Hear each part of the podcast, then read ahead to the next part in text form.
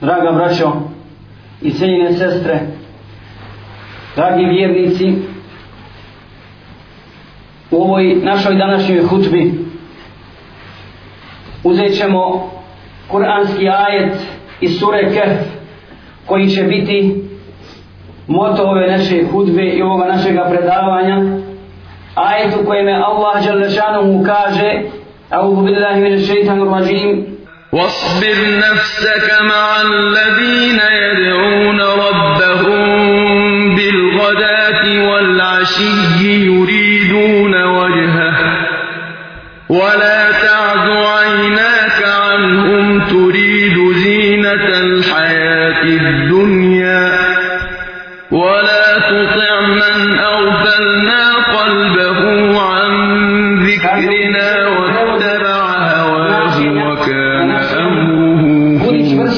one koji se gospodaru svome mole ujutro i naveći želeći njegovo lice i tražeći Allahovo lice i ne skidaj oči u svojih sanjih iz želje za sjajem na ovom svijetu i ne slušaj onoga čije smo srce nehajnim prema nama učinili i čiji su postupci daleko od razboritosti i drugi ajet samo ću ga u prevodu namesti u suri An'am 52, 52 ajet i ne pjeraj od sebe one koji se koji se ujutro i naveže gospodaru svome klanjaju i mole tražeći i želeći njegovo lice ti nećeš odgovarati za njih niti će oni odgovarati za tebe a ako bi otjera od sebe zaista bi nasilnik bio kažu mu fesiri vezano za ove ajete da su oni objavljeni povodom vođa Kurejša. Vođa Kurejša koji su govorili poslaniku sallallahu alaihi ve sellem kada je počeo sa svojom davom, sa pozivom u islam da otjera od sebe neke ljude koji nisu bili poznati ni po bogatstvu, ni po porijeklu, ni po kakvom drugom ugledu, ako njih otjera ljude kao što su Bilal, kao što su Suhejim, kao što je bio Habab ibn Anad i tako dalje, ostali ashabi, ako njih otjera, onda će oni doći da ga slušaju. I poslanik sallallahu alejhi ve sellem je razmišljao o njihovom prijedlogu. Ili su rekli kako stoji u drugoj predaji da za njih odredi, za zavođa Kurejša odredi poseban dan kada će ih pozivati kažu mu fesir da ovaj ajet objavljen, dakle, povodom vođa Kurejša, Ahnesa ibn Šarika, Amra ibn Hišama i Ebu Sufjana ibn Harisa. I Allah Đalešanuhu, nakon što je poslanik sallallahu alaihi sallam možda razmišljao o tome da odredi poseban dan kad će pozivati Kurešije da njima govori o vjeri, da njima govori o Kur'anu, objavi, Allah objavljuje ove ajete. Allah objavljuje ove ajete kada ne tjeraju od sebe, ne tjeraj od sebe one koji se mole svome gospodaru iskrenih srca koji su vjeru stvarno prihvatili radi toga što te ovi što te ovi nagovaraju da bi imao s njima određeni dan sa ćeš njih pozivati jer oni nisu iskreni prema gospodaru svjetova šta to znači braćo i sestre to znači da Allah Đerlešanuhu ima svoje vage i vredno, način vrednovanja ljudi način vrednovanja ljudi koje se razlikuju, koje se razlikuju u potpunosti od ljudskih vaga i ljudskih mjerila i vrednovanja, vrednovanja ljudi, ljudi kao ličnosti. Allah Đerdešanuhu želi na taj način, dakle, šaljući svoga poslanika Muhammeda s.a.v. da se te vage koje Allah objavljuje, s kojima je Allah zadovoljan, sprovedu u životu sprovedu u praksi, da se njegov zakon, da se njegov zakon koji on objavljuje i s kojim je on zadovoljan, sprovede u životu, a ne da bude samo abstrakcija, a ne da bude samo gola tvrdnja, ne da bude samo, samo riječ. I božanska vaga kaže وَمَا أَمْوَالُكُمْ وَلَا أَوْلَادُكُمْ بِلَّتِ تُقَرِّبُكُمْ إِنْدَنَا زُلْفَةً neće vas ni vaši meci, ni vaša djeca približiti nam. Neće vas vaši meci i vaša djeca približiti Allahu Đalešanuhu. Illa men amile, amile, men amile, amelen saliha. Osim onoga ko bude radio dobra djela. To je božanska vaga. To je mjerilo koje Allah Đalešanuhu priznaje i objavljuje ni metak, ni bogatstvo, ni porijeklo neće te približiti samo po sebi gospodaru svjetova. Ni tvoj položaj koji zauzmaš u, dru, zauzmaš u društvu. Nego dobra djela koja radiš u ime Allaha Đalešanuhu i tvoj odnos prema gospodaru svjetova. Zato kaže uzvišeni, ovo je pravilo, pravilo Islama. Inne akramakum inda Allahi tkako. Najbolji kod Allaha su oni koji ga se najviše boje. Nema drugog pravila. Nema drugog, druge maksime koju možemo i bolje, koju možemo uzeti i primijeniti u našem u našem životu. I kod, boža, kod božanske vage, kod Allaha Đalešanuhu, nema protekcije.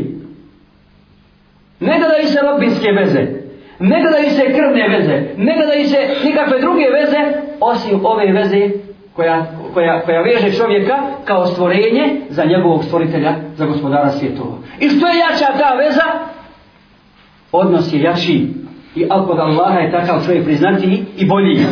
Pogledajte šta kaže Allah što vraćaju sestre da bi objasnio ovo za Ibrahim a.s. Ibrahim a.s. kada ga Allah stavlja na iskušenje i provjerava ga i kada je on položio ispit kada je on položio ispit i kada Allah što vraćaju mu kaže inni džailu kalim nasi imama ja ću te učiniti imamom i vođom ljudima kaže Ibrahim a.s. omin zurrijeti i od mog potomstva.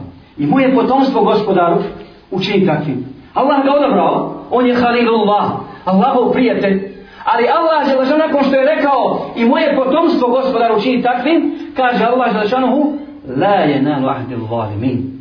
Moje obećanje se ne odnosi na zulučare. Nek su tvoji sinovi, nek su tvoji unuci Ibrahime, nek su ne znam kakav tvoj rod i da i ti ne znam koliko voli ili ne znam koliko bliski, Allahu obećanje se ne odnosi na one koji čine zulu na zemlji i koji su nepokorni gospodaru svjetova. Dakle, ljudska vaga vrijednosti ljude gleda kroz ono što smo nabrojali. I metak, položaj, krvna veza, ugled i tako dalje. Zato židovi govore kada im je, kada im je ta lud od, kada je određen za vojskovođu, kada je njima u poslanik određen za vojskovođu, šta kažu? Tražili su, bili su u teškoj nevolji ubijani su, protjerivani, silovane im žene, djeca poklana i traže od poslanika da im da vojskovođu, da im odredi za vojskovođu nekoga. Pa kada je Allah odredio za vojskovođu ta luta, šta su rekli? Anna je kunu lahul mulk. Wa nahnu ahakku bel mulke mine. Otkud njemu vlast? Otkud on ima vlast nad nama, a mi smo preći? Mi smo preći od njega. Nije poznat ni po čemu nije bogat, nije ugledan kod nas bio, niko i ništa, otko sad on da bude, da bude vojsko vođa nama. Dakle, i ta džahilije, to džahilijesko mjerilo, to džahilijesko mjerilo koje se danas primjenjuje kada nema šerijata, kada nema braća i sestre Islama, kada su ljudi bacili za leđa Allahu riječ, Allahu objavu koji je Allah poslao i objavio, objavio da se sprovodi, da se po njoj radi, a ne da se čuva u rafama i da se, da se iščitava, da se iščitava i da se divi njenom stilu i ljepoti, nego da se primjenjuje u životu, tada ta mjerila na površinu izbacuju koga? Najvećeg pokvarenjaka, Ebu Džehla. Najvećeg pokvarenjaka u društvu, Ebu Džehla. Zbog čega? Zbog ovih veza. Jaka porlica, bogatstvo i tako. A on pok... I zovu ga kako? Zovu ga Ebul Hakem. Otac mudrosti. Otac mudrosti. Zbog toga što su mjerila vrijednosti polju, mjerila vrijednosti poljubljena. I u svakome društvu u kojeme, u kojeme se ljudi odaju, odaju poroku i udalje od Allahovoga puta, to društvo je osuđeno na propast.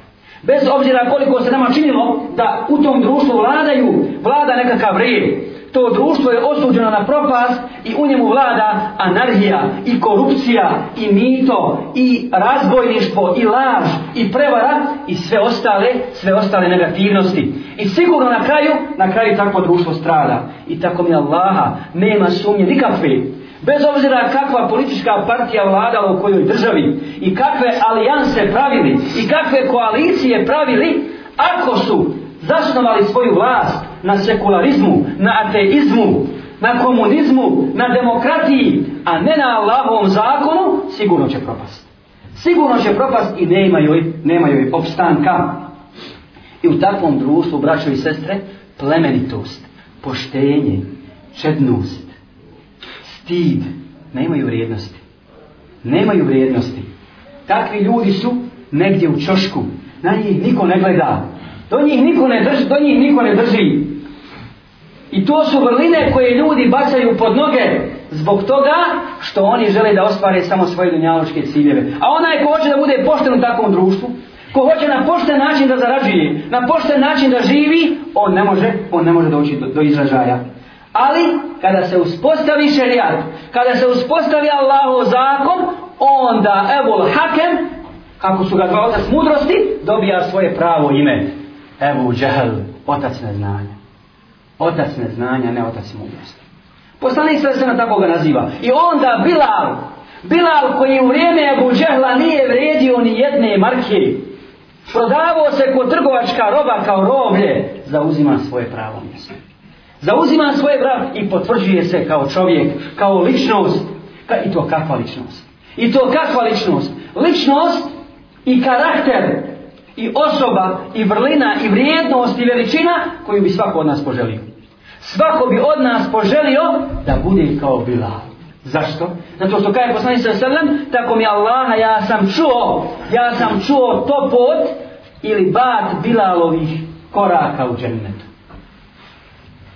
I pogledajte, pogledajte šta kaže, šta kaže, šta se kaže u jednoj predaji. Kada je poslanik sa sallam osvajao Meku, kada je osvajao Meku, Ebu Sufjan je tek tada primio Islam radi Allah ta'ala.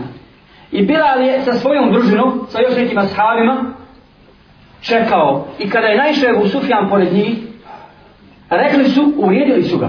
Nisu mogli da ga ne uvijedi, iako je već postao musliman. Rekli su, zaista, Allahova vjera nije vidjela hajra od ovih. Do sad, dakle, do sad Allaha vjera ili Allahove sablje nisu postigle, do, vidjeli nikog hajra od ovih. Pa se naljuči Ebu Sufjan Naljutio se već prije primio islam i obratio se Ebu Bekru i kaže uvrijedio me je bila, rekao mi je tako i tako. Pa je bil, otišao Ebu Bekr srdit, ljud, do Bilala, izružio ga i otišao je poslaniku sa veselem i kaže, ja Rasulallah, znaš šta je uradio Bilal? Kaže, šta je uradio Ebu Bekr? Kaže, tako i tako je rekao Ebu Sufjan. Kaže, poslanik sa veselem, ljutiš li se Ebu Bekr? Jel se ljutiš na Bilala? Kaže, kako da se ne ljuti kada je to rekao? Ako se kaj ti ljutiš na Bilala, Allah se ljuti na tebe.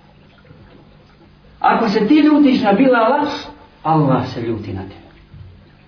Dakle, Bilal koji je podnio teret, koji je ponio emanet vjere, koji je bio uz poslanika sallallahu alaihi ve sellem, sada doživljava takav stepen da srđba ili ljutna na njega izaziva Allahu srđbu. Izaziva Allahu srđbu. U isto vrijeme kako bilježi Ibn Hišam u svojoj siri, novi muslimani koji su tek prihvatili islam, između njih u Tab ibn Usej, Abu Sufjan ibn Haris i Haris ibn Hišam sjeli su na stranu da vidi šta se to dešava. Pa je poslanik sa Selem tom istom Bilalu naredio šta? Naredio mu je da se da se pokne na kjavu i da uči jezama. I kad su oni to vidjeli, međusobno su razgovarali, začudili se. Zašto pogledajte ljudskog mjerila? Kako ne može se pomiri s tim kad pobjedi istina? Pa kaže Hišam ibn Haris ili Haris ibn Hišam kaže hvala, i kad je čuo da uči Ezan Bila hvala Allahu kad je moj babo Hišam umro a da nije dočekao ovaj dan da vidio ga srnog groba kako uči Ezan. A kaže ovaj drugi E, je li imao Muhammed ikog drugog, osim ovog crnog gavrana, da njega, da, da on, da on uči, da on uči za zakat. A evo Sufjan ibn Haris ja neću ništa govoriti. Znači nije on nije bio zadovoljan, ali ka neće, ja neću, ja ću šutiti. Znači svojom šutnjom je izrazio nezadovoljstvo. I to je mjerilo ljudsko, to je ljudska vaga. Kako ljudi, kako ljudi vagaju, kako, kako mjere i gledaju, gledaju na određene, određene ličnosti. Crni gavran, jel? Ja. A Allah kaže, ako se srdiš Ebu Bekre, poslanik kaže, ako se srdiš Ebu Bekre, al, na, bila Allah, Allah se, Allah se srdi na tebe. I uz postavljanje ove božanske vage i ove pravde na zemlji je braćo zadatak koji mi imamo na svojim plaćima. To je težak zadatak. Težak zadatak i vallahi umet kako ga je ostavio trpi poniženje i neće ga vratiti ponovo neće se uspostaviti taj zakon osim preko oni koji se istinski i čvrsto vrate Kur'anu i Sunnetu, koji se vrate, koji se vrate Allahovoj vjeri. Dakle, oni koji budu sprovodili Allahov zakon dosljedno kod sebe, u svojim porodicama i pozivali druge tome i koji budu preko velikih iskušenja, preko najvećih iskušenja prelazili kao da ih nema, ostavljali se samo na gospodara svjetova, tražili samo njegovo zadovoljstvo, oni mogu to uspjeti. Oni mogu to uspjeti niko drugi. Jer oni koji su slabiši, oni se neće usuditi na takav put. I ukoliko i se meni bude braćo i sestre sprovodio ovaj zakon, u toliko i meri će biti ljudima dobro. Ukoliko i se meni bude rušio Allahov zakon, u toliko će meri vladati fesad i nerijed na zemlji. Kako kaže poslanik sallallahu alaihi sallam u jednom hadisu, šta ćete raditi?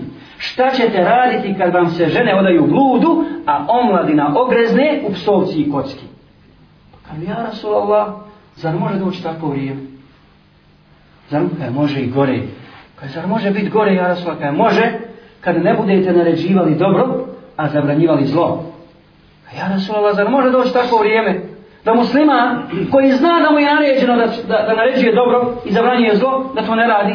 Kaže, može i gore. Pa zar može biti gore, ja Rasulallah? Može. Kaže, kad ono što je dobro, budete smatrali zlim, a ono što je zlo, budete smatrali dobrim. Ja Rasul Allah, zar može doći takav vakat da se čovjek toliko poremeti, da njegov um toliko skrene, da skrene sa staze ispravne, pa da smatra zlo dobrima, dobro zlim, kaj može i gore. Pa zar može biti gore, ja Rasul? Kaj može, kada budete naređivali zlo, a zabranjivali dobro. Kada budete naređivali zlo, a zabranjivali dobro, onda se ni vaši najučeniji neće moći snaći takvom društvu onda se ni najučeniji vaši neće moći snaći u takvom društvu. Zar mi, braćo, ne živimo u takvom društvu? Zar ne živimo u takvom društvu gdje se naređuje zlo, a zabranjuje se dobro? Evo samo jedan primjer koji je diskutabilan i kod nas, muslimana. I mi se muslimani jezimo na takve stvari kad se spomenu, a kamo li kjafir? I stalno branimo islam, jer smo poniženi, jer smo do dna iskompleksirani. Stidimo se toga. I uvijek branimo, umjesto da napadamo kufr, da napadamo džahl, da napadamo širk, mi branimo islam. Pa kada nam postavlja pitanje, pa što ovo, pa što osjecanje ruke u islamu, pa što više ženstvo, pa što ovako, što onako, samo vas da branimo islam. A ovi tamo mušici obožavaju kipove, kamenje, krave, e, za Isusa, za Isala Islama kažu da je Bog ili sin, neuzubillahi i tako dalje, Mi obožavamo gospodara svjetova. Sledimo Kur'an i sunnet koje ga ne može pobiti ni demantovati nikakva nauka, nikakva tehnika, nikakva naučna dostignuća, osim da potvrde, da potvrde Allah u istinu. I pogledajte, kod nas sad, ne samo u Bosni, ali u Bosni, ja govorim o Bosni, spomenut ću jedan zakon, vi znate da je, ako ne znate, kod nas je sad u Bosni, nakon rata, legalizovan homoseksualizam legalizovan homoseksualizam, dakle, uveden u zakon da je dozvoljeno to. Dozvoljeno je da se muškarac i muškarac uzmu i da živi takvi život. A više ženstvo je strogo zabranjeno. I nedavno su čak uveli zakon, ako čuju da se neko slučajno, čak i tajno ženio sa drugom ženom, zatvor dvije godine. Zatvor dvije godine. Pogledajte, dokle ide, dokle ide čovjek kad se udalji od Allahove istine, kad se udalji od pravog puta, mako on bio, mako on bio, on ide samo ka svojoj totalnoj degradaciji i propadanju, i propadanju. I Allah Đelešanu u lutov narod u Kur'anu naziva najgorim imenima. Najgorim imenima naziva lutov narod. Da su fasici, da su fažiri, da su razvratnici, da su griješnici, da su kjafiri i tako zbog čega? Nuhov narod tako Allah ne naziva. Iako su širk činili. Iako su, zbog čega? Kao i ovi. Ali ovi su se odavali jednom grijehu koji je udaljavanje od ljudske prirode. Koji ne odgovara nikako čovjeku. Ma ni životinjama, kamo čovjeku. Koji ima pamet i koga je Allah želešan zadužio sa, sa velikim zadatkom. A to je homoseksualizam. A danas u 21. vijeku to se legalizuje i to može proći. I to može proći. A islamski šerijat, Allahov zakon, to, to, ne može, to ne može proći. Dakle, i danas ćete, ćete čuti za ljude, za ljude koji vode ove države, koji vode svijet. Oni su pravedni, oni su pošteni. Mi, mi smo čak čitali i slušali ste i vi, Vjerovatno, kada je američki, bivši američki predsjednik Clinton imao afere kada su ga optuživali za zinalog, šta ga ima optuživao, to je poznata stvar, oni su takvi u biti. Oni bez toga ne mogu da žive, to im, time im je život obilježen. I alkoholom i bludom, neki dan čitam u jednim našim novinama o onome e, američkom e, glasnogovorniku Ivanku koji je boravio u Bosni, šta je radio? Kaže, jedna kafana u Bosni nije ostala da je on i obišao. Nijedna kafana.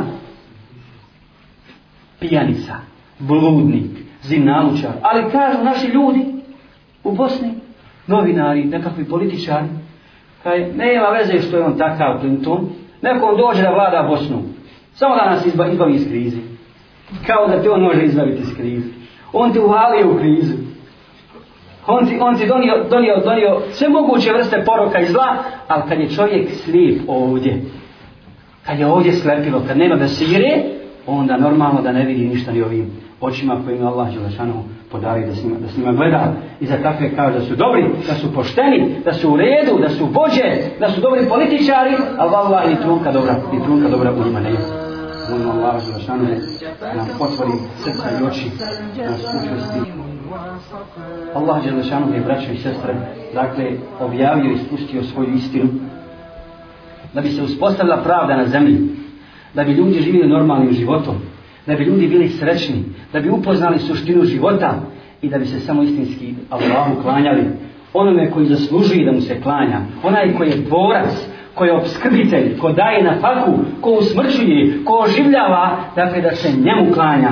I vallahi, nema, danas se puno govori o slobodi ličnosti, o slobodi čovjeka, a tako mi Allaha čovjek ne može, braćo i sestre, doživjeti istinsku slobodu i nema istinske slobode bez potpune pokornosti Allah. Bez potpune pokornosti Allah.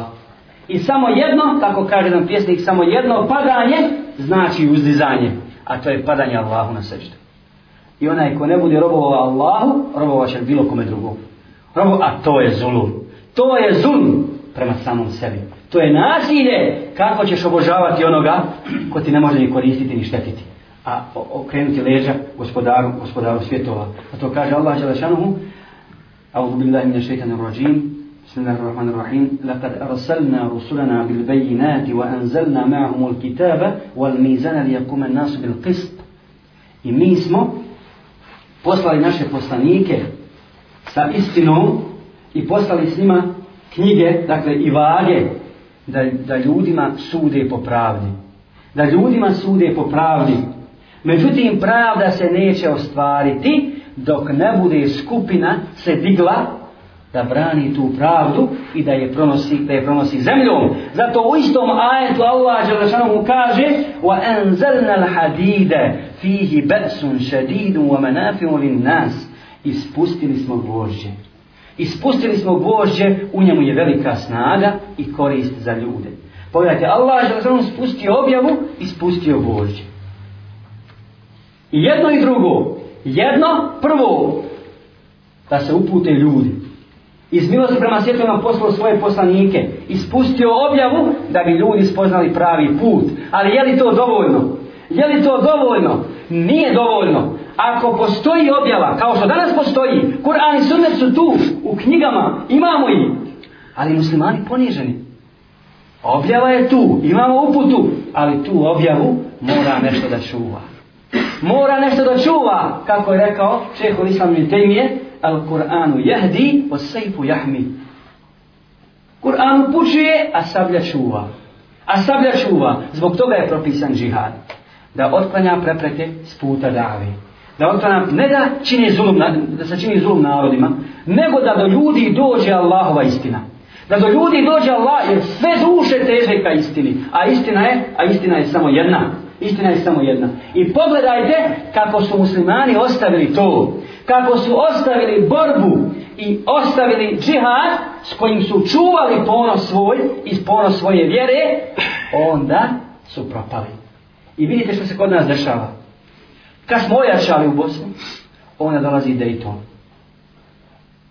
Na početku su proganjali, ubijali, činili masakr i genocid kakav je nezapamćen danas kad smo se digli iz blata, samo malo podigli glavu, nismo se još bili uspravili. Ne daju kjafir da, se, da se ti uspraviš, da živiš ponosno i stojanstveno i da govoriš o Allahu i vjeri, opet u blato, opet je gura dolje. Kako, na koji način? Kad smo imali svoju vojsku, svoje naučanje, tako je s svim državama islam muslimanskim. Onda oni potpisuju sporazum, primir je, jer te se sad kjafir boji. Sad si ponu. I prvo što su radili, jesu oni našu vojsku uništili su našu vojsku. I mi, faktički, ovo nije nikakva demagogija, nego faktički skoro da vojske nemamo. Oružje nam uništili, uzeli ga, zaplijenili ga, dovezli iz Amerike nekakve, nekako svoje staro naoružanje, koje ne vrijedi ništa, za koje nema municije i tako dalje. Pomježala nas ponovo sa našim neprijateljima, koji stalno vrše obstrukcije, tako da naša vojska dajući i izdajući za, za Hrvate, za, da vidimo što oni hoće, dajući njom i oficirima njihovoj vojsi, izbaja iz našeg budžeta, naša vojska ostaje gladna. Naša vojska ostaje bez hrane, bez uniforme, bez naoružanja i tako i tako dalje. Kaj, gdje nam je pamet? Gdje nam je pamet? Dakle, to je kad se izgubi ponos, kad se napusti taj put koji nam je, do, koji, koji nam je dodijel liči, onda Allah spušta poniženje, poniženje i kaznu. Zato kaže Allah Đelešanovu, Ja ejuha alladhina amanu atiu Allaha wa rasulahu wa la tawallaw anhu wa antum tasma'un. O vjernici pokoravajte se Allahu poslaniku i ne okrećite se od njega vi slušate. Slušate Allahov govor. Slušate hadise poslanika sallallahu alejhi ve Znate za istinu. Ne budite kao oni koji kažu slušaju, a ne slušaju. A ne slušaju. Zar niste izvukli pouku? Zar nećete izvući pouku iz, iz iz događaja koji su pred vama, iz stvarnosti koju živite, iz... a vi ste najpreći da izvučete pouku i vi ste najpreći da vodite narode, da upućujete ljude Allahom voljom na pravi put i nema uspostavi ovog zakona, dakle, bez, bez pravih ljudi, bez istinskih vjernika kao što su bili pravi, kao što je bio Huzeifa radijallahu ta'ala an, kada, je, kada ga je posl koji je koji je koji je poslanik sallallahu na Ahzabu u bici u bici protiv mušrika i protiv munafika i protiv židova poslao da provjeri, da provjeri stanje kod neprijatelja koji je drhtao te noći i tresao se, pa kada nisam imao, ponio sam ženino grtač, nisam imao dovolj odjeće, kasnije Allah im daje pobjedu na zemlji, pa je bio namjesnik. Pogledajte pravde, kad čovjek se boji Allaha, kad radi samo za Allaha, ne boji se nikog drugog. Postavlja ga Omer, za namjesnika u jednu pokrajinu islamske države i šta se dešava Huzeifa mu piše pismo i kaže Omere boj se Allahu pogledu mene boj se Allahu pogledu mene vidim ovo veliko bogatstvo pred sobom a ja namjesnik bojim se da me dunjalu ne zavede tražim od tebe u ime Allah da me smijeniš što prije da me smijeniš što prije i prenese sad to na naše stanje kod nas kad bi neko bio namjesnik, predsjednik ili bilo šta drugo, neke opštine, ako bi ga neko htio skinut zbog njegove nepravde ili ne zbog nepravde, nego zbog neznanja, što ne zna radit taj posao, rekao bi boj se Allaha, ne skidaj me. Ne skidaj me dok ne zaradim dosta za svoju porodicu, za unučad, praunučad i sve ostale generacije koje će doći da pokra... A šta me briga? Šta me briga za narod? šta je briga za ostale, za ostale ljude? Zašto? Zato što je ovdje srušeno sve. Kod ljudi koji ne žive islamskim životom, nema morala. Nema morala, nema istine, istine u njihovim prsima. Dakle, oni su žrtvovali svoje duše i prodali svoje duše za ono što nema cijenu za džennet. Za džennet koji je Allah pripremio vjernicima. I čvrsto su u to vjerovali. I bježali su od Dunjaluka, a Dunjaluk je išao za njim. Otvorao se Dunjaluk, osvojili sve i zlato i srebro i bogatstvo i zemlje i države su bile pred njima i u njihovoj, u njihovoj, u njihovoj vlasti. Znači, ili, recimo primjer Selmana Farisije, koji je prije što nego što se pojavio poslanik Selem, za kojeg je znao da će se pojaviti, tražio, tražio tu državu, to mjesto gdje će se pojaviti poslanik. I bio je sin sveštenika, ali je pristao da bude roblje. Pristao da živi kao rob, da ga kupe kao, kao, trp, kao roblje, da bi živio u Medini, da bi čekao poslanica. I prošao kroz svoj život svašta i dočekao poslanica.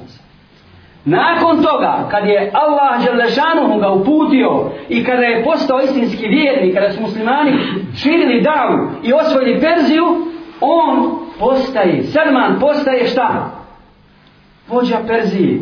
Kisra, mušrik, perzijski car, a i Selman perzijanac, zamijenio je Kisra njegovom dvorcu. I kad ga je zamijenio, šta je rekao Kisra? Kada je bježao sa iz svojih dvoraca, kada je teško meni, nije mi ostalo ništa osim hiljadu kuhara i hiljadu trenera za sokolove. To je njegov život. To je njegov dunjalo. A kad je Selman došao kakav je on princip uzao, Selman je jedan dirhem dijelio. Svaki dan dijelio se dakle po jedan dirhem, a za jedan dirhem, za drugi dirhem kupao trsku kupovao trsku i pravio sepete i od toga, od toga živio a vladar namjesnik u Perziji pravio trsku i ku, ku, pravio se kupovao trsku i pravio sepete da bi od toga živio i hranio svoju porodicu neće da uzme iz državne kase neće da se razbacuje zna za sirotinju zna za hudovice zna za svakog čovjeka za svakog čovjeka i boji se Allaha da nekome zulum ne učini. Pogledajte, ista država, Ovo dvoji sa Perzijanci. Ali jedan mušrik, a jedan musliman, vidite pravila i mjerila i, princi, i principa kod ljudi. Dakle, neće društvo, braćo i sestre, napredovati, vallahi, istinski neće napredovati, niti će ljudi osjetiti rahatluk u svom životu, dok se ne vrate istini, a istina je jedna. Ona je u Kur'anu i sunnetu. Zato molimo Allaha Đalešanuhu, da nas okupi oko Kur'ana i Sunneta, da ubrza pobjedu svoje istine, da nas ujedini, da nam poveća ljubav, bratsku, da ubrza pobjedu istine, da pomole muslimana na svakom mjestu, da nam oprosti gdje je da nas uženje.